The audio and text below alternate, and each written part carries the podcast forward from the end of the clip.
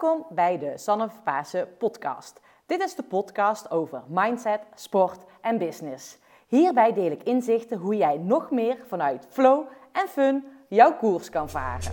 Veel luisterplezier. Er staat weer een nieuwe podcast aflevering voor jullie online. Dit keer is het een interview met Erik Meinster. Erik heeft echt enorm veel toffe dingen gedaan. Hij is auteur, heeft een boek geschreven, is feel good fietser en staat regelmatig in het theater en heeft daarnaast nog doet veel andere gave activiteiten. Nou, hij neemt ons mee hoe je in jouw flow komt, dat je eigenlijk van nature altijd in flow bent en dat als jij datgene doet wat je graag wilt doen en dat vol overgave doet, dat je nog meer in jouw flow komt. Nou, ik zou zeggen, ga luisteren, geniet ervan en uh, nou, veel luisterplezier. Doei doei! Hey Erik, welkom. Leuk dat je hier bij mij in deze ruimte bent, in mijn gave studio. Ja. In mijn mooie, mooie witte kamer, waar we deze interviews opnemen, dat je naar Vlieren bent gekomen om ja, aanwezig te zijn op mijn podcast. Dankjewel. Alsjeblieft. Mooi. Erik, waar ik heel erg nieuwsgierig naar ben. Wat wilde jij vroeger worden toen je klein was? Dat is een retorische vraag, hè? Er is inderdaad een moment geweest dat de juffrouw in groep 3 vroeg wat we wilden worden als we later groot waren. En uh, die vraag die stelde ze aan de klas. Dus mijn klasgenootjes die, die, die gaven antwoorden als uh, profvoetballer en uh, nou ja, wat zeg je op die leeftijd? Uh, rijk. En uh, ik kwam aan de beurt en ik zeg, juffrouw, ik wil gewoon gelukkig zijn. Dat wilde je toen al? Kan dat ook? Ja, ik weet dat, wat, zo voelde dat. Mm -hmm, Het was niet dat ik bewust over na had gedacht van, oh, wat kan ik allemaal worden? Maar ik had niet een... Uh, ik had niet iets concreets in mijn hoofd. Van een beroep of een functie of een... het voelde voor mij alsof er iets, iets een, een soort vorm van geluk was dat dat zou overstijgen. Dus mhm. ongeacht wat je doet, mhm. dat je dat gevoel bij je draagt. En nou ja, dat antwoordde ik dus. Ja. Want ik dacht, zat eigenlijk misschien wel te denken, nee, hij ging zeggen, ik wilde vroeger piloot worden. En dat je nu zou zeggen, ik wil gelukkig zijn. Maar je had dat al op vrij jonge leeftijd, dat beseft dat je gewoon, dat dat misschien wel het mooiste is wat je kan worden. Nou, het, het, was niet echt een besef, maar ik, ik, er waren heel veel mensen om mij heen die waren met van alles bezig. En ik, ik vroeg me wel af, van, ja, waarom zijn die mensen allemaal bezig met wat ze doen? Mhm, mhm. En wat drijft hun? En ook heel vaak dat ze iets deden wat voor mij niet heel goed voelde. Dat kon ik niet echt peilen, want het was voor iedereen zo normaal dat het zo was. Ja. Uh, maar ja, ja hè, voor, mij, uh, voor mij voelde dat dan toch anders. Ja. En vertel eens, wat drijft u nu dan? Wat drijft me nu? Ja. Zo, dat is even een schakel. Nou, er is sindsdien, want toen was ik 7, ik ben nu 29, dus er is 22 jaar uh, gepasseerd. En met name de afgelopen 12 jaar waren, uh, nou ja, die stonden in het teken van die zoektocht. En eh, naar, naar wat is geluk dan? En hoe voelt dat voor mij? En, en, en um, ja, ik kan het wel zeggen op mijn zevende, maar, maar wat kan ik daarmee? En wat houdt mijn antwoord eigenlijk in? Hoe, onbevangen ik dat ook zei, wat bedoel ik daar nou mee? En eh, goed, ik heb daar een, uh, uiteindelijk na, na jaren zelfonderzoek eigenlijk heb ik daar dus een boek over geschreven. Ehm, het geluksgevoel. In eerste instantie heb ik gewoon mijn verhaal op papier geschreven om het eens uiteen te zetten en te zien voor mezelf en duidelijk te maken waar ben ik nou allemaal geweest, wat heb ik ontdekt. En ehm, ja, gewoon een soort uh, van overzicht te creëren van aha, dit is er dus gebeurd de afgelopen tijd. Uh, dat verhaal ben ik toen gaan presenteren. Dat werd een theatervoorstelling. Toen zat er iemand in de theatervoorstelling die zei: Hé, hey, ik ken wel iemand die een boek kan uitgeven. En ineens was er een, uh, een boek. Dus je bent 29 jaar, je hebt een boek geschreven, je hebt in theater gestaan, je hebt een documentaire gemaakt. En volgens mij, je hebt anderhalf jaar in een camper gewoond. En je hebt echt een enorm gave monstertocht gefietst. Je werkt nu als leraar, als docent. Ja, misschien is dat niet de juiste bewoording, maar daar komen we zo meteen nog op. En wat doe je nog meer? Nou, wat ik, wat ik nu doe, en dat is dus wat mij nu heel erg drijft. Ik heb dit ontdekt mhm. voor mezelf. Mhm. En uh, ik, ik ik voel nu wat ik met dat antwoord bedoelde, wat ik toen gaf. Mhm. En voor mij is dat eh, ja, de, de reden waarom wij leven, om dat te mogen ervaren. En ik vind het zo gaaf om nu mijn verhaal te vertellen in theaters, voor groepen, lezingen en met al mijn nou ja, foto's, verhalen, beelden, creativiteit erbij. Ja. En om dan eh, ja, mensen mee te nemen in die reis voor mij. En het zelf ook even te laten beleven. Om, eh, nou ja, om ze onderdeel te maken van, eh, van wat ik meemaak en heb doorgemaakt. En waar, waar wil je dan, of waar hoop je dan dat je het publiek bewust van wordt? Nou ja, dat is voor iedereen anders. Mhm. Iedereen die. die eh, eigenlijk wat ik vertel is, is, is het, gaat, het is heel persoonlijk en het gaat voor mij vanaf het moment dat ik eh, eh, thuis spaak liep, door mijn thuissituatie, eh, tot het moment dat ik die boek heb geschreven. Dus het is een heel, ja, echt het verhaal van begin tot eind. En iedereen die haakt wel op een ander punt aan. Voor iedereen is weer iets anders herkenbaar. En nou ja, er komt eh, de, de, de monstertocht, de uitdaging komt erin voor. Ehm, nou, maar ook het hele kwetsbare gedeelte, de zoek, het zoektocht van ja, wat wil ik nou echt? En dat uiteindelijk vinden.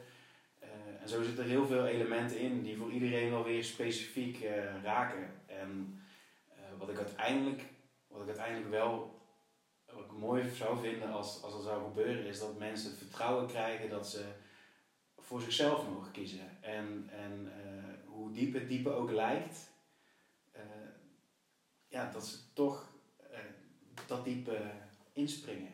Omdat het gewoon zo voelt. En Ja. dat gevoel, dat is genoeg. Zo, dat is wel een hele mooie intentie. En, ehm, en dat is ook, hè, ik herken er zelf heel veel. Weet je, als je, soms is het wel heel eng, maar als je gewoon je gevoel achterna gaat, dat is eigenlijk altijd goed. Want ja, je, je moet gewoon, tenminste als je hart volgt, je voeten zullen volgen. Ehm, dat is wel iets wat ik, wat ik zelf altijd zoiets heb. Ja, weet je, je moet gewoon je hart achterna gaan. Ja. Komt de rest vanzelf. Ehm, maar je noemde het net al eventjes terug en ik heb ook een stuk van jouw documentaire gezien. Echt super mooi. en je zou ook even tussendoor van eh, thuis liep het spaak, als we maar eens even teruggaan. Hadden net al over een jongetje van zeven jaar eh, aan wie gevraagd werd wat wil je laten worden. Ehm, maar een stukje volgens mij in je opvoeding heeft best wel veel impact gehad op wie je nu bent of impact. ehm, in ieder geval ervoor gezorgd wie je bent en wat je nu doet. Kan je ons daarin meenemen? Welke lessen je daarvan hebt meegemaakt? Nou ja, wat er, wat er, eh, ik ben gewoon opgegroeid vanaf het moment dat ik eh, geboren werd. En ook het moment dat ik zeven was en in de Ja, klas zat. Tot, tot, ja, ik ging naar de basisschool, middelbare school. Mijn, mijn gezin was bij elkaar. Broertje, zusje, vader, moeder. Ehm, op een gegeven moment, van de een op de andere dag, gaan mijn ouders scheiden. Dat was al een hele eh, ja, mokerslag voor mij. De veiligheid die ik thuis ervoor was ineens heel erg onzeker. Dus dat was totaal omgeslagen. Ja, en vervolgens eh, kreeg mijn moeder kort daarna een nieuwe man, vriend, man. En eh, ja, dat was, ik was gewoon heel nieuwsgierig. Er gebeurden dingen en ik wilde weten waarom. Hè? Dat, dat nieuwsgierige jongetje wat zeven was in de klas, dat werd ouder en die, die begon op een gegeven moment ook vragen te stellen. Dus, en dat stelde ik ook aan mijn moeder en aan mijn stiefvader. En als zij keuzes maakten, dan, dan wilde ik weten wat, wat, wat is er aan de hand. Ook omdat ik zelf wilde weten van, hé, hey, eh, hoe leef je nou eigenlijk en wat is dan geluk? Mhm. En elke keer als ik hun een vraag stelde, en dat kon over van alles gaan, dan, eh, ja, dan, dan, dan was het ruzie eigenlijk. Mhm, Dan, mhm. wordt, eh, dan, dan, met name mijn stiefvader, dat was, eh, ehm, ja, dat was gewoon heel kleinerend. Ja. Ten opzichte van jou. Ja, nou ja, en, en, en eh, dusdanig dat ik op een gegeven moment, dus dat er een dag is gekomen dat ik, dat ik tegen mezelf heb gezegd, dit wil ik in ieder geval niet meer. Eh, ik stop ermee en nu ga ik eh, voor mezelf Dus en, kiezen. en wat hield het dan op dat moment in? Dat je wegging thuis of dat je die vragen niet meer ging stellen? nee, dat ik wegging thuis. Nee, ik ging, ik, als ik iets niet wilde, was het, wat er nog slechter voelde dan, dan thuis wegging, was, was die vragen niet meer stellen. Nee, want dan ben je zelf niet meer. Ja, dan was ik mezelf Ja. helemaal aan het verloochenen. Dus Ja. dat, nee, dat ging, dat ging er niet in bij mij. Ehm, dus ik ging thuis weg. Ja. En hoe oud was je toen? 17. 17. Ja. En eh, wat hield het in thuis weg? Ging je dan naar je vader toe? Of ben je op 17 op jezelf? Nee, mijn vader woonde op dat moment in Breda. Die had daar een huis gevonden. Mhm. Ik zat wel op school in Tilburg. Dus, of in Goorlen eigenlijk. Dus eh, een dorpje erbij. Ehm, nou ja, dus dat, ja, ik, ik was op, dit, op dat moment, ik, ik voelde me zo nietig eigenlijk. Mhm. Ik was dag in dag uit, kreeg ik, eh, was het was een soort van, eh, ja, dat, dat was, op dat moment was het gewoon heel, heel heftig. Dus eh, alles beter dan dat.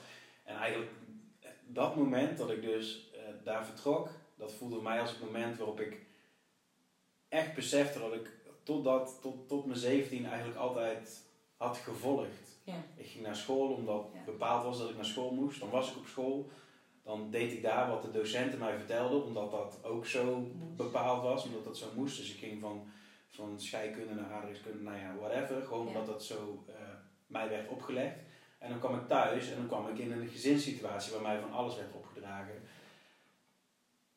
Dus ik was, eigenlijk was ik alleen maar aan het volgen. En dat volgen dat maakte mij zo uitgeput, zo moe, dat ik dat op een gegeven moment niet meer trok. En toen, toen was ik het volgen helemaal zat. Ja. En toen, Toen ben je vanaf je 17 dus gaan leiden. Je eigen leven. Ja, Leiden. Eerst, eerst met, een, met het lange ei en toen met het korte ei. Ja. Hey, maar dat is eigenlijk al gewoon een hele mooie Ik ben echt, kijk, het, is, het, het klinkt allemaal als een heel erg horror situatie. En dat was het voor mij ook in die tijd. Maar ik ben zo blij dat ik dat toen heb meegemaakt. Ja. Dat heeft me echt, het heeft me wakker gemaakt. Ja. Het heeft me echt, eh, als, als, als die kerel er niet was geweest, dan had ik niet op mijn zeventiende eh dat vuur in mezelf ontdekt. Nee.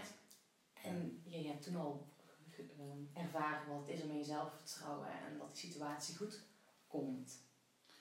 Ja, nou ja, dat was in, in eerste instantie als ik. eh, het is leuk dat je dan voor jezelf kiest, maar wat houdt dat in? Ja. Hè? Wat, en, en dan? Ja. Eh, ik bedoel, eigenlijk was ja, je, op dat moment eh, stap je eigenlijk het grote onbekende in. Mhm. En in mijn omgeving was er niemand die, die dan, eh, nou ja, die, die mij kon zeggen van nou Erik, als je voor jezelf kiest, dan werkt dat zo en zo en zo. Ja. En, eh, oh wacht, ik, ik kan het je ook laten zien. Ja.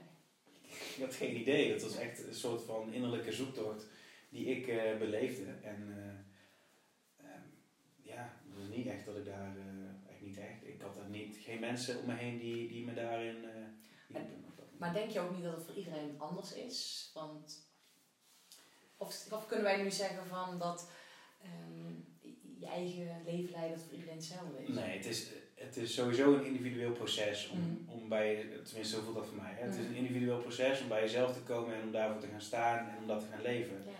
Maar wat absoluut helpt is een omgeving die, eh, waarin je je veilig voelt, waarin je jezelf mag zijn en Mhm. ook in mindere dagen. Ja. Die dat accepteert, dus die niet over je oordeelt en die jou inspireert en ondersteunt om, je, om, om dan in het diepe te gaan springen, om jezelf te zijn. En eh, nou ja, zo- zo'n omgeving die kunnen we natuurlijk wel creëren. En, en je bent, was nu 17. Ben je toen op jezelf op kamers gegaan? Ja, ik heb dus eerst heel even bij mijn vader gewoond in Breda, maar toen ben ik eh, op kamers gegaan. Ja. En uiteindelijk heb je communicatiewetenschappen ehm, ben je gaan studeren. Ook in Tilburg. Ja. En toen had je dat diploma in de hand. Tenminste, nou ja, ik, ik heb zelf ook mijn opleiding afgerond. En ik weet nog wat, er- wat bij mij toen gebeurde. Maar ik denk dat dat voor iedere student, hè, als je dan klaar bent, dan gebeurt er iets bij je. Maar wat gebeurde er bij jou? Welk vuur ging er bij jou? Brandde er al, maar ging misschien nog meer mensen branden? zeiden altijd tegen mij, Erik, geniet nog maar van je tijd als student, want het is de mooiste tijd van je leven. en dat ik alleen maar aan het, aan het wachten was totdat ik mijn diploma in mijn handen had, omdat ik wist dat dan de mooiste tijd van mijn leven zou beginnen. Dus bij mij was ik dacht, mensen, waar hebben jullie het over? Ik vond het echt, ja, ik vond het niet leuk. Nee. Nee. Ehm nou ja, en ik, ik had op dat moment hield ik mezelf voor dat, dat ik dat moest halen. Of dat dat erbij hoorde eigenlijk. Ja. Dat dat een soort van, nou ja, dit is even een eh, formaliteit. Mhm. Dat doe ik in mijn leven en vervolgens dan begint het of zo. Dus eh, nou ja, op die manier heb ik het ook gehaald en behaald. En, eh, ik weet heel goed dat er op een gegeven moment, ik liep, eh, ik liep stage tijdens mijn afstudeerscriptie en ik, ik zat in een kantoor en de zon die scheen door de lamellen op mijn bureau. En ik, ik zat daar in een, in een soort strakke pakbroek daar. En ik, ik dacht, nou Erik, als ik twee dingen in mijn leven wil, dan is het één, dat ik in ieder geval een broek aan kan die ik zelf fijn vind om te zitten. Die niet zo strak zit. En, en twee, dat ik naar buiten kan als de zon schijnt. Nou ja, uh, en, en, toen was al een groot deel van mijn leven bepaald eigenlijk. ja. ja. Dat zijn een paar belangrijke waarden voor jou, maar dat zijn wel heel mooie waarden. Maar um, je hebt toen uiteindelijk jouw studie behaald. Um, hoe heb jij ervoor gezorgd dat die waarden tot zijn recht gingen komen? Ben je op zoek gegaan naar een baan? Of nou, ik had op een gegeven moment, ik, ik, was, uh, ik voelde mezelf wel een beetje een verstrooide professor op de universiteit. Ik, hoefde, ik had negen uur aan college in de week, volgens mij. En, en de rest van die tijd, uh, nou, ik, ik deed, ik deed, ik vermaakte me wel. Ik had ook, ik had ook wel, uh, het is niet zo dat ik me, dat ik me echt opsloot, maar ik had wel een prikbord op mijn kamer waarop ik dan al mijn, ja, ik was gewoon gefascineerd wat voor jezelf kiezen, wat is dat? En, en hoe ga ik dat nou inrichten? En hoe ga ik dat in mijn leven uh, neerzetten? Wat doe ik daarmee? En, en ik had dus een prikbord met uh, inzichten of, of uh, teksten uit liedjes of, of nou ja, dingen die mij aanspraken of die mij inzicht gaven. En zo was ik een beetje aan het puzzelen van ja, hoe, hoe kan ik daar nou iets mee doen? nou ja, op een gegeven moment toen, toen deed dat allemaal niet meer toe voor mij toen omschreef ik mezelf in drie woorden: communicatie, sport en avontuur. En toen dacht ik, hé, hey, als ik nou eens gewoon alle keuzes die ik maak op deze drie uh, passies van mij uh, uh, maak, zeg maar, mm -hmm. dan, eh, ja, dan is het goed. Yeah. Dus toen ben ik gewoon gaan zoeken naar wel, wat kan ik doen waar deze drie elementen invallen. Yeah. nou, toen ben ik gaan reizen met mijn, met mijn backpack. Dat was een gewoon nog een reis. En, maar vervolgens kon ik ook als reisleider aan de gang in, in Noorwegen. Mhm. en, uh, en ben ik windsportreisleider geweest in Frankrijk. En, um, en hoe kwam de communicatie dan terug? Nou ja, met de gasten op dat moment vooral. Ja, ja. Het delen van de beleving. En later, want ik ontmoet op een gegeven moment ontmoet ik dus iemand die, uh, die aan het bloggen was over, over zijn beleving, met name dan op de skis. En dan ging hij naar beneden op die bergen en dan uh, ja, had hij een GoPro op. En hij, hij ging echt van wezenloze flanken ging hij af. Maar dat was zijn manier om de beleving te delen met de buitenwereld. Ja. En ik vond het zo gaaf. Ik denk, ja, dit is, nou klopt het helemaal. Ik ga op avontuur, ik, ik maak dingen mee, ik ben super nieuwsgierig, dus ik, ik duik telkens in iets nieuws. Uh, dat doe ik vooral op de fiets. En daar kan ik dan over schrijven met mijn blog. Nou ja, toen uh, was ik van de dag. En hoe heette jouw blog destijds? Gespleten asfalt. Ja. Daar kennen wij elkaar uh, van, zeg maar. Of althans, ik ken jou daarvan. In die, die tijd blogde ik ook nog regelmatig. Um, en ik volgde jouw verhalen inderdaad. Dat vond ik heel gaaf om te zien hoe jij aan het avonturen was. En um, één of twee avonturen die mij heel erg bij zijn gebleven. Um, is eigenlijk, nou ja, sowieso, maar dat is avontuur. Dat is echt gewoon een levensgroot avontuur geweest. Volgens mij die anderhalf jaar lang dat jij in jouw bus hebt gewoond. En wat ik toen heel erg gaaf vond, um, is dat je ook gasten uitnodigde. En ik heb zelf nog zitten twijfelen van, oh, ik moet Erik even berichten, want ik wil eigenlijk wel mee ja, ja. in de bus. En um, jouw monstertocht die je hebt gereden. Laten we eerst even beginnen met die monstertocht. Oké. 35 uur, 36 uur op de fiets, 14 kolen. Ja. En hoeveel hoogtemeters? Um, geen idee, hoeveel waren het er? Ja, volgens mij 6000. Nee, denk wel meer. Ik denk uh, 16.000. 16, ja. Ik heb... Ja, 16.000. 800. Hoe heb je dat volgehouden? nou, wat er, dat is wat ik ontdekte wat er bij mij gebeurt als ik op de fiets zit, dan mm beland ik in, in, een, in een flow en dan, uh, nou ja, jij herkent dat waarschijnlijk als geen ander, maar dan, ja, dat is, een soort superfocus, diep, hele diepe concentratie. Um, ik wist toen nog niet wat mediteren was, maar uh, dat is het. Uh, en ehm, ik vond het zo'n fascinerende beleving. Alsof dan, dan alles wordt dan relatief of zo. Alsof dan uh, de, de, de, grens van pijn ineens gigantisch verlegd kan worden, maar ook de, de, tijd. En je bent boven op een berg in 10 minuten terwijl het een uur later is. En eh, ik vind dat, dat vond zo'n magische ervaring. Dat voelde voor mij als flow. dus, dus ik ben dat zoveel mogelijk gaan doen. En daarover was ik dus vooral aan het schrijven via gespleten asfalt. En die tocht, eh, ja, ik kwam op een gegeven moment La Route Grande Zalp tegen. Ja, als je nou 14 bergen achter elkaar, 650 kilometer non-stop in die beleving zit, in die flow, in die roes, dat moet toch, dat moet toch magisch zijn. Dus, eh, dus toen ben ik dat gaan doen. En ehm, ja, hoe heb ik dat dan volgehouden? Dat was eigenlijk je vraag. Ik, ik, hoe het voor mij voelt is dat als ik in die, in die roes zit, dan bestaat er niks anders dan het moment. En er was dus geen gedachte aan afstappen of stoppen, of het was gewoon alleen daar. Focus. Focus, ja. Op het hier en nu. Ja, en, en alleen maar op, op uh, ja, nog niet eens de komende 100 meter, maar gewoon wat er nu gebeurt. En uh, ja, dan, uh, dan blijf je tot dit soort dingen in staat te zijn.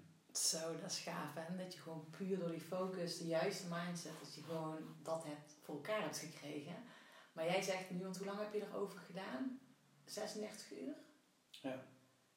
Dat je 36 uur lang in die focus bent geweest? Nee. Nee. Nee. Nee. Ja, dat staat hier ook in omschreven. Er zijn momenten geweest en dan, uh, ja, dan, dan, ging mijn hoofd wel aan de haal met me. En Mhm. dan, uh, dan was het wel, uh, oh, het doet het pijn. En het is de, de, de, de zesde berg, Iseran, 48 kilometer lang. En dan stond er op een gegeven moment een bordje 15 kilometer. En dan dacht ik, oh, ik zit al zo lang op de fiets. en het is de zesde berg. En dan moet ik nog 15. Maar ja, 100 meter later, dan was het ineens weer weg. En die 100 meter leken wel drie uur te duren. Ja.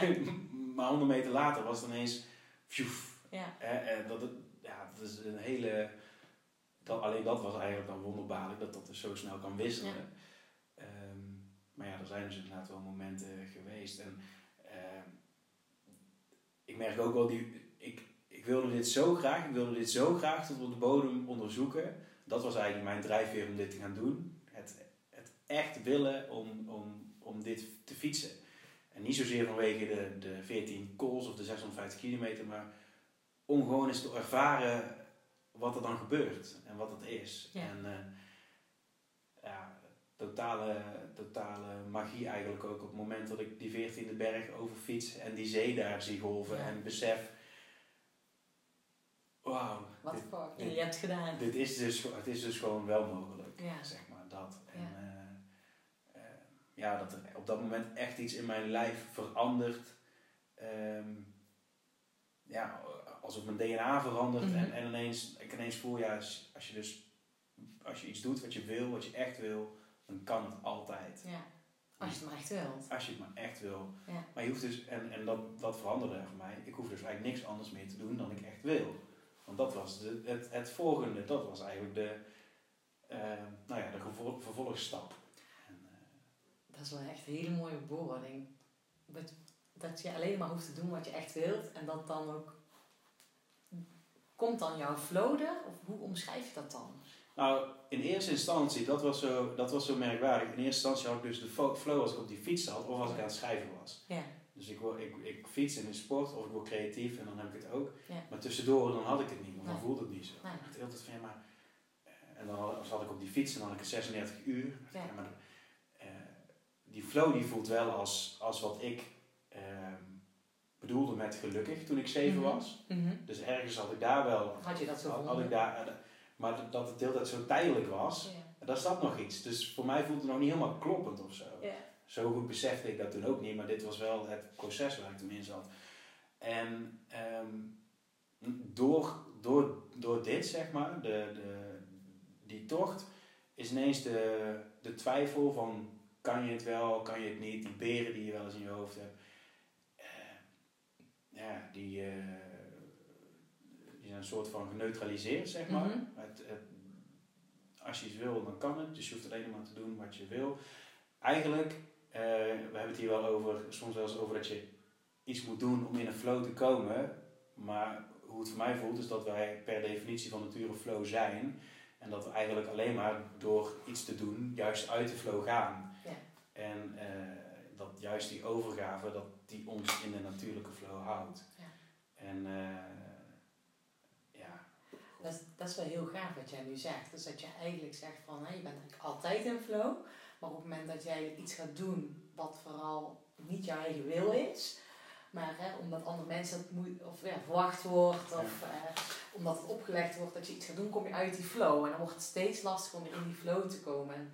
Wel heel gaaf om te zien dat je zelf die ervaring, dat je dat zo ontdekt hebt door bij het schrijven en op de fiets dat je erachter bent gekomen. Dat je nu eigenlijk weet wat het is om in die totale flow. Ja. Gaaf man. Ja. Wauw. En als we nou eventjes teruggaan, want ik heb die documentaire gezien over jouw monstertocht. Hoe heb je dat voor elkaar gekregen, joh? Volgens mij had je gewoon een film, filmteam bij. Uh, begeleidingsteam. Leek wel of dat gewoon... Ja, nou ja, het leek wel. Jij was gewoon een professionele wielrenner die daar gewoon even zijn, uh, iets ging manifesteren. ik, was, ik was natuurlijk gewoon een uh, veredelde wielerrecreant. Ik was good fietser, zo noemde ik me ook, via gespleten asfalt. Ja. Ik, fietste wel, ik fietste wel heel veel. Ik ging ook wel vaak op avontuur. Ja. Uh, maar op het moment dat ik een bewegingswetenschapper tegenkwam en die dit verhaal vertelde en hij wilde me helpen, uh, toen werd me ook wel duidelijk gemaakt dat ik nu zou gaan leven als een prof. Dus, uh, en dat heb ik ook wel geweten. Dat was ook, ja, dat, uh, maar op de een of andere manier, ik wilde dit heel graag, ik, ik wist waar ik het voor deed. nou ja, je, je stelt het uit dat je iets zo graag wilt en je trekt dan aan wat je daarvoor nodig hebt. Ehm, nou, er waren twee vrienden van me bij. Eentje die de social media bijhield. Eentje die mijn voeding aangaf. Mijn vader zat in de volgwagen. Er waren uh, inderdaad drie cameramensen mee die daar een documentaire van maakten. een masseur. ja, dat was van alles. Ja, het was echt, echt een volwaardige equipe, ja.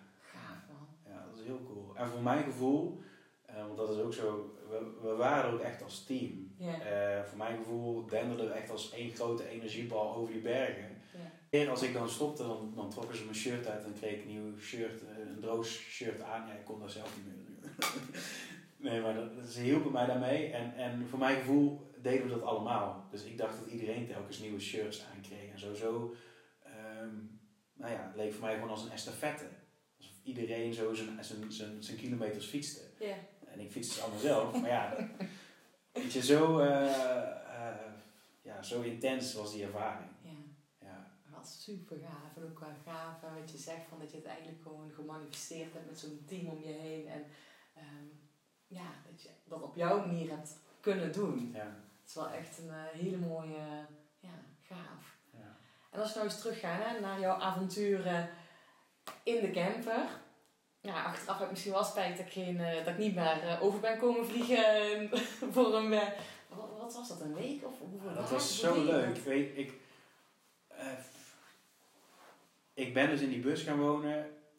op een gegeven moment besefte ik door die tocht van ja, ik hoef dus alleen nog maar te doen wat, je, wat ik wil. Ja. Hoe ga ik dat nou... hoe ga ik dat nou in dit leven, in deze wereld, hoe ga ik dat doen? Uh, en ik, ik was het idee van het leven in de bus al op het spoor gekomen. Nou ja, ik heb alles verkocht. Ik ben in de bus gaan wonen. Ik ben voor onbepaalde tijd weggereden. Dus vanaf dat moment was ik echt helemaal... Ik had me gewoon helemaal overgegeven aan... Nou ja, wat ik dan zou voelen op dat moment. En uh, dat was, was in eerste, instantie een totale shock voor mijn hoofd ook vooral. Want ik dacht, ja, maar je moet toch een doel hebben. En je moet ook zo effectief mogelijk zijn. En, um, ja, totdat je op een gegeven moment beseft van nee, het is gewoon goed in al deze vrijheid. En uh, hoezo moet je iets? Wie heeft dat ooit verzonnen? En op het moment dat ik daar doorheen viel, ja, ook de, de tijd, ik had geen, ik leefde, ik leefde niet met de dag, ik leefde niet met het uur. Dus ik ging wakker, ik werd wakker als de zon opkwam en ik ging onder, of ik ging naar bed als de zon onderging.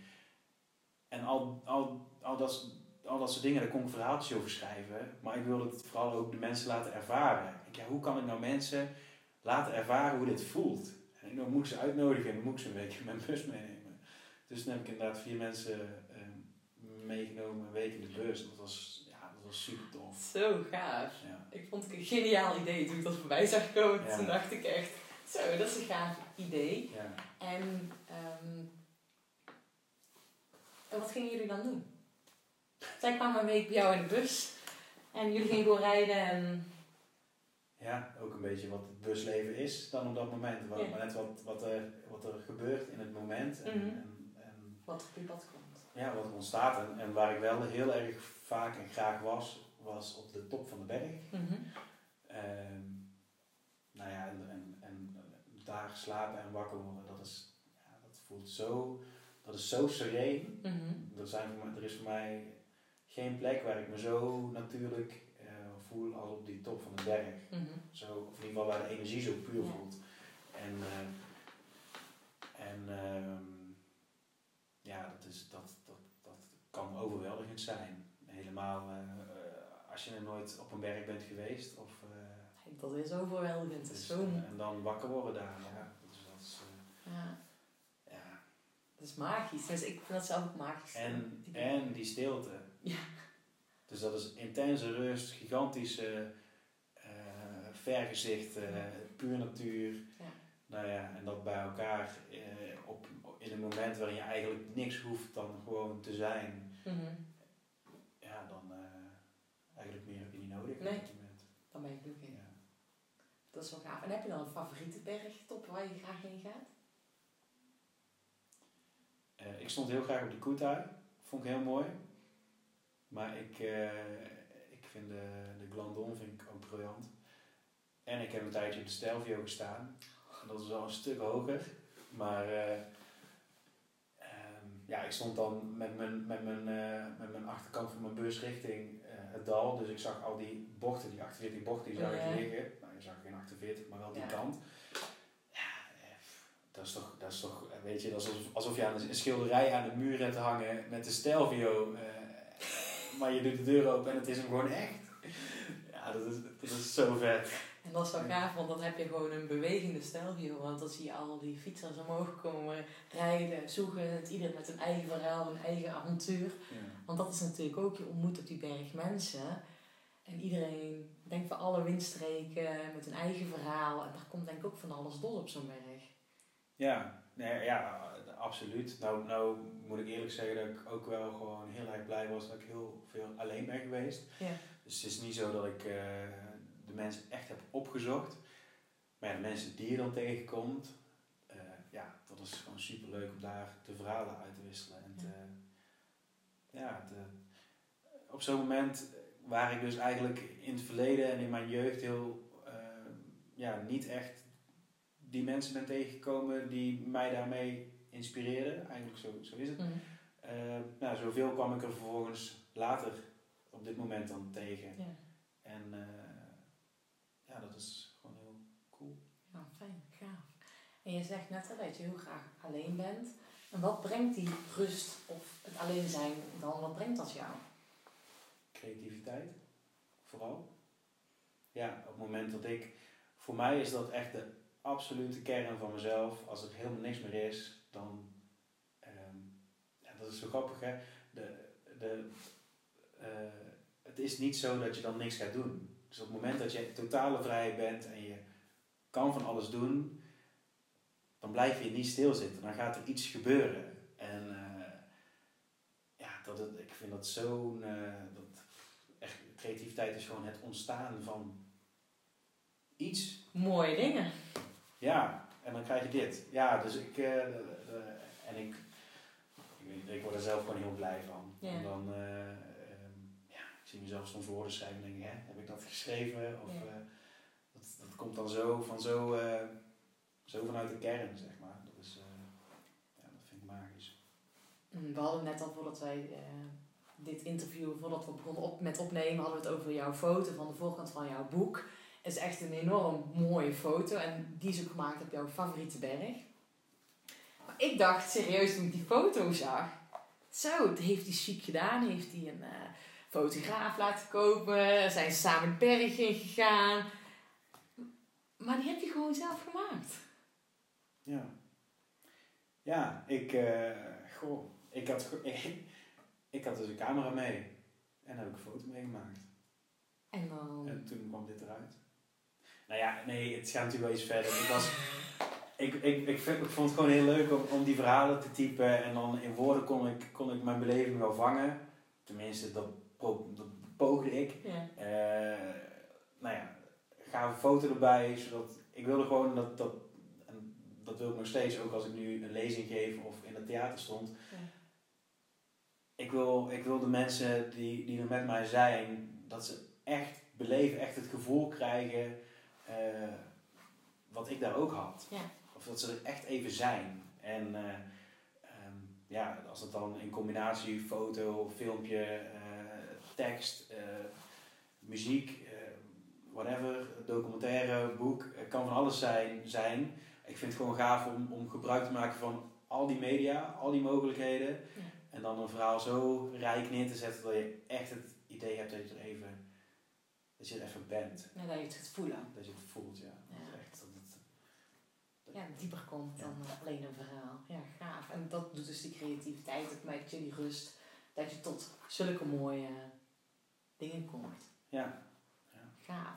En nu ehm, weet ik ondertussen dat je die camper niet meer hebt. Dat je, dat je er afscheid van hebt genomen.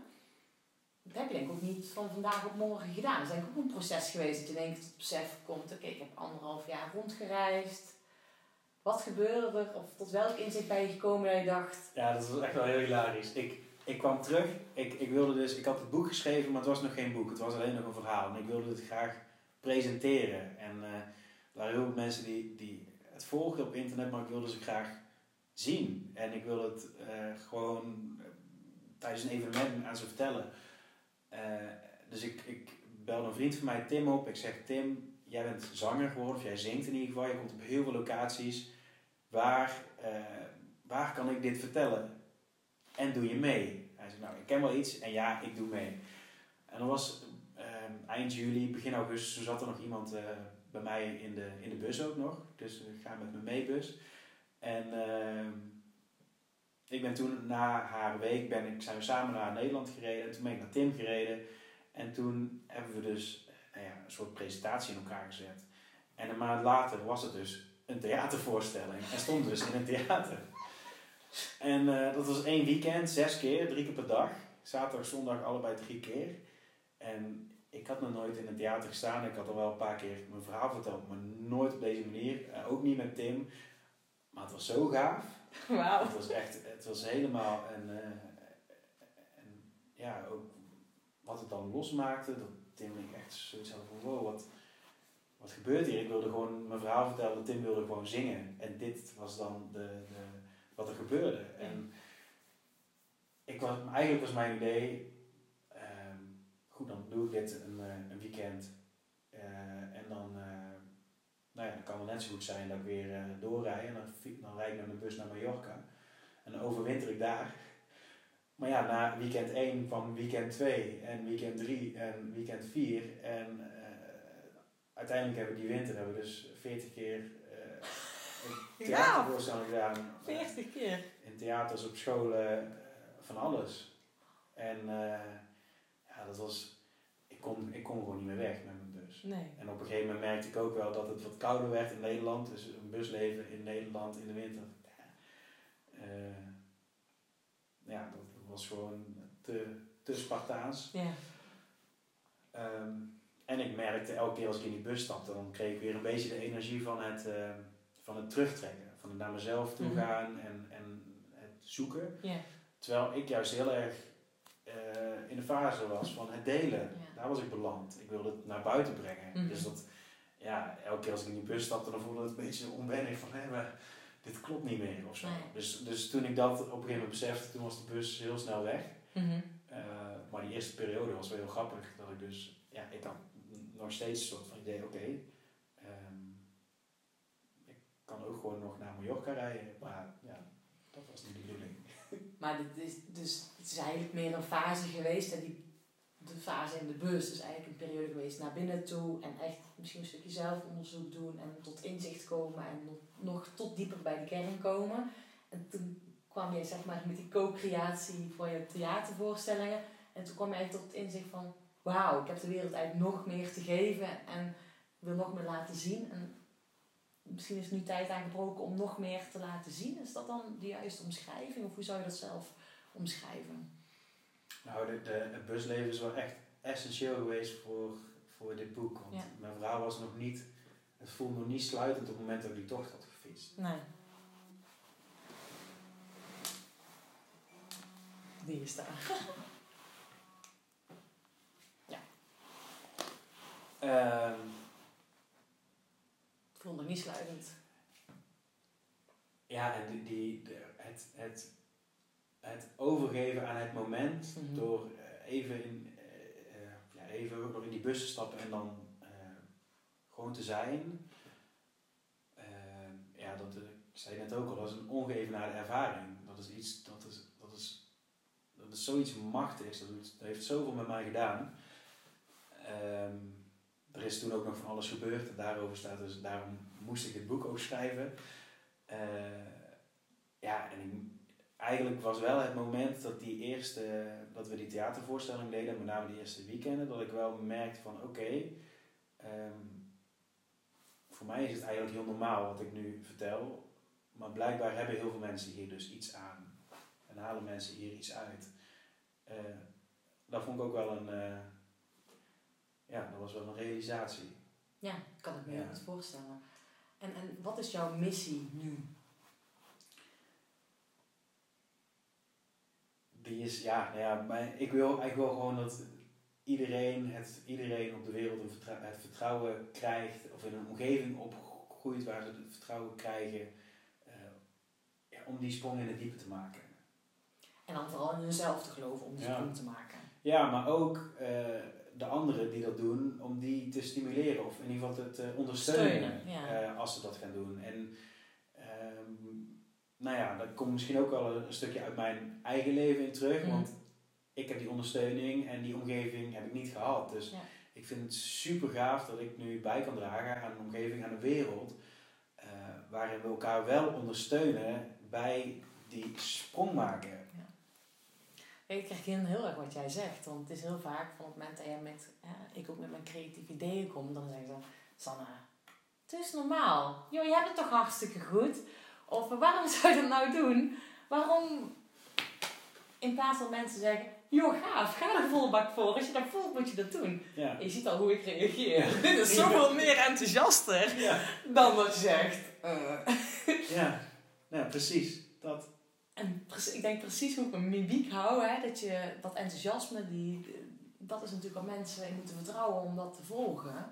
Ehm, en ja, ik heb, ehm, ik weet dat je daar ook op een hele mooie manier nu een bijdrage aan levert.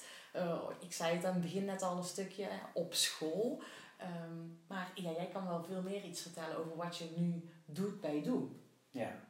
Ja, ik ben dus, eh, ik was dus bezig met de theatervoorstelling. Mhm. Op een gegeven moment komt er ook iemand naar de hand naar me toe.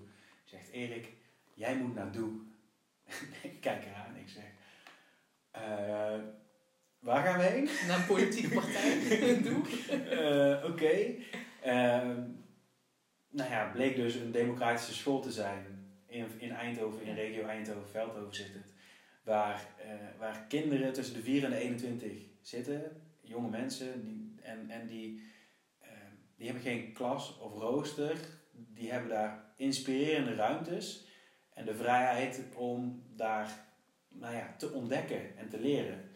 En daar lopen eh, mensen rond, zoals ik nu dus ook, eh, maar ook vakdocenten, eh, ja, die, die, die die kinderen, die die jonge mensen daarbij ondersteunen om, nou ja, om, om te helpen waarmee ze bezig zijn en wat ze willen leren en waar ze zich in willen ontwikkelen. En ja, dat is zo vanuit de intrinsieke motivatie. Ik ben daar toen, eh ze hadden een, eh, een, een eh, bijeenkomst, een dag, en daar zouden drie mensen spreken, een leerling, een ouder en iemand van buitenaf. En diegene die dus na die theatervoorstelling naar mij toe kwam en zei, Erik, kom een keer naartoe. Die had dus geregeld dat ik op die dag de persoon van buitenaf was die op Doe kon praten. Dus ik had mijn verhaal verteld. En eh, toen was de eerste vraag na afloop, was Erik, wil je hier niet blijven? Oh, Erik, wil je hier blijven? Ik had hem langs. Dus de eerste vraag na afloop was, Erik, wil je hier niet blijven? En toen zei ik ja. Ah. En toen was ik er. Maar dan ben je docent, maar eigenlijk ben je geen docent. Nee, sowieso praten we niet echt over de term docenten daar. Want eh, iedereen is heel gelijkwaardig. Ja. Eh, het is een, een, een organisatie met sociocratische kringen, Mhm. wat zoveel inhoudt dat eh, ehm, nou ja, eigenlijk elk besluit dat in de school wordt genomen, eh, gebeurt in, in kringen waarbij iedereen aan kan sluiten die wil. Dus of je nou 4 bent, 21 of 65, maakt niet uit, je sluit eraan en je mag daar je stem laten horen. En sociocratie wil zeggen dat sowieso dat iedereen om zijn beurt de kans krijgt om iets te zeggen. Mhm. Dus daadwerkelijk iedereen wordt gezien en gehoord. Eh, en vervolgens wordt er een, een, een besluit gevormd eh, op basis van eh, de, nou ja, wat de community wil. Dus niet zozeer de meerderheid of de meeste stemmen gelden, maar een gedragen besluit dat nou ja, voor, voor, het, voor de gemeenschap bevorderlijk is. En ja, ik ben dus niet echt docent. Ik heb ook nooit een onderwijsbevoegdheid gehaald. Ik ben daar vooral omdat ik het zo gaaf vind om ehm, ook die mensen daar eh, dit vertrouwen mee te kunnen geven. Mhm, mhm. Hè, dat, dat, ze, dat het eigenlijk wat ze daar doen is die, die natuurlijke drive, die intrinsieke motivatie volgen. En eh, Daar worden ze heel erg in gestimuleerd. nou, er is in ieder geval alle ruimte om dat te doen. Ja, zeker. Wauw, dat is wel echt een hele mooie, ja, mooi is daar een bijdrage aan mag leveren. En het past ook heel erg mooi aan jouw verhaal. Dat dit, ja, klinkt als, alsof het zo moet zijn, zeg maar, voor jou. Ja. Nou ja, dat was ook. Aan het einde van de theatervoorstelling zei ik altijd, ja, ik heb, ik heb eigenlijk nog maar één droom. En dat is dat wij onze kinderen laten opgroeien in een wereld waarin ze in zichzelf mogen vertrouwen en waarin ze vanuit zichzelf mogen gaan leven. Mhm. Nou ja, en dat dit dan eh, een paar maanden later weer ontstaat. Ja, eh Gaaf man. fascinating. Ja, het is inderdaad heel erg fascinerend om te zien hoe dat gewoon op je pad komt. Ja. En ben ik nog even nieuwsgierig naar eh, wat voor rol speelt sport, het fietsen nu nog op in jouw leven? Nou, dat heeft heel lang niet zo'n hele grote rol gespeeld. Maar ik... eh, ehm, nou ja, dan zat ik afgelopen zondag voor de televisie. De Ronde van Vlaanderen. Via, de, via de computer zag ik het. En eh, ja, ik, eh, dat doet wel heel veel met me. Ik herken gewoon de, de, de focus die dan zo'n, zo'n nou Nicky Ja. In dit, in dit geval dan heeft. Eh, weet je, om daar heel je leven voor in het teken te zetten. En dan, en dan deed ik het zes maanden, maar hij heel zijn leven. En dan op die momenten dit te laten zien. ehm, ongeacht van, van eh, het podium of de prijs, maar gewoon überhaupt dat je dat op dat moment kan. Ja, dat vind ik waanzinnig. En dat, eh, dat, dat, dat doet nog steeds zoveel met mij. Eh, dus ik, ja, mijn benen die jeuken ook weer. Dat jeukt dus dit jaar sowieso wel. Dus het is leuk dat dat weer, dat, dat weer terugkomt. Ja, gaaf. Want heb je dat even gemist? Nou ja, er is, er is, dat busleven heeft ook echt wel ingehakt, want het was best wel Spartaans. Om, eh, ook in het buitenland eh, was het. ehm, ja, het was, het een, een Volkswagen busje dat ik, waar ik een bed in had gelegd. Dus het was niet per se een, een, een, een luxe camper van de. Nee, dus eh, ik merk gewoon dat mijn lichaam echt toe was aan rust. Mhm. Dus ik heb de afgelopen jaren heel weinig gefietst. Ja. En vooral ehm, verwerkt wat er eigenlijk allemaal is gebeurd. En nu En, en ondertussen. het weer. Ja. Het is wel mooi dat je ook naar je lichaam hebt geluisterd en dat je ook die, hè, dat hoor ik heel mooi zeggen, dat je dat, hè, ondanks hè, dat, dat het fysiek, of nee, fysiek en mentaal, hè, je hebt Spartaans geleefd, maar mentaal ook zoveel indruk opgeda- opgedaan, dat het gewoon zoveel energie kost en dat je dan, en die fout heb ik zelf namelijk gemaakt, om dan vervolgens toch zeg maar aan die fiets op te stappen, omdat je die drive hebt, hè, want jij kent dat gevoel, hoe dat is. Maar ik vind het wel heel mooi om te horen dat je Nou, het is, nou wat, wat ik nog wil zeggen is dat eh, wat ik wel herken, zeg maar, wat. wat eh, op het moment dat mensen aan mij vragen: wat doe jij? Of wie ben jij? Of. ehm, dan is het, wa- was het voor mij altijd heel makkelijk om te zeggen: ik ben fietser of ik ben blogger. En eh, op een gegeven moment identificeer je jezelf zo erg met het zijn van een fietser of een blogger dat op het moment dat je even niet meer fietst of blogt, dat het dan voelt alsof je doodgaat. Ja. Want ja, je bent dan niet meer waar je jezelf mee identificeert. Ja. En ja, je wil niks liever dan blijven leven. Dus dan stap je toch maar de fiets op en ga je toch maar verhaaltjes schrijven. Eh, terwijl dat dus eigenlijk niet is wat je echt wil en voelt. Dus eigenlijk het idee waar je je mee identificeert, dat houdt dan in stand dat je een bepaald patroon nog steeds leeft. Mhm. Terwijl het zo onnatuurlijk voelt op dat moment. Eh, dus ja, ik, ja het, is, ook niet altijd.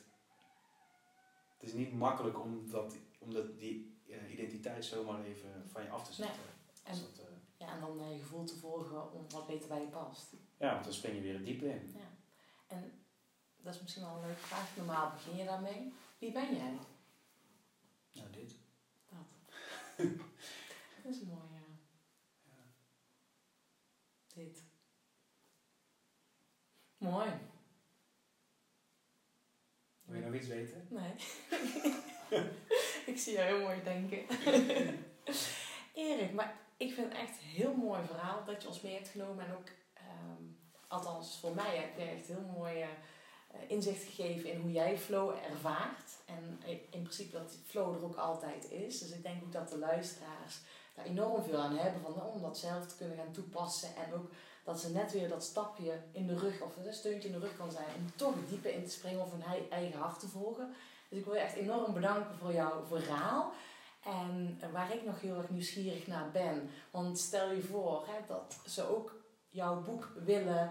ehm, Stel je voor. ik ga ervan uit. Of hè, waar kunnen ze bij jou terecht? Staan er nog theatervoorstellingen op de planning? Of hoe kunnen mensen jou bereiken, mochten ze dat willen? Op erikmeinster.nl is er van alles over mij te vinden.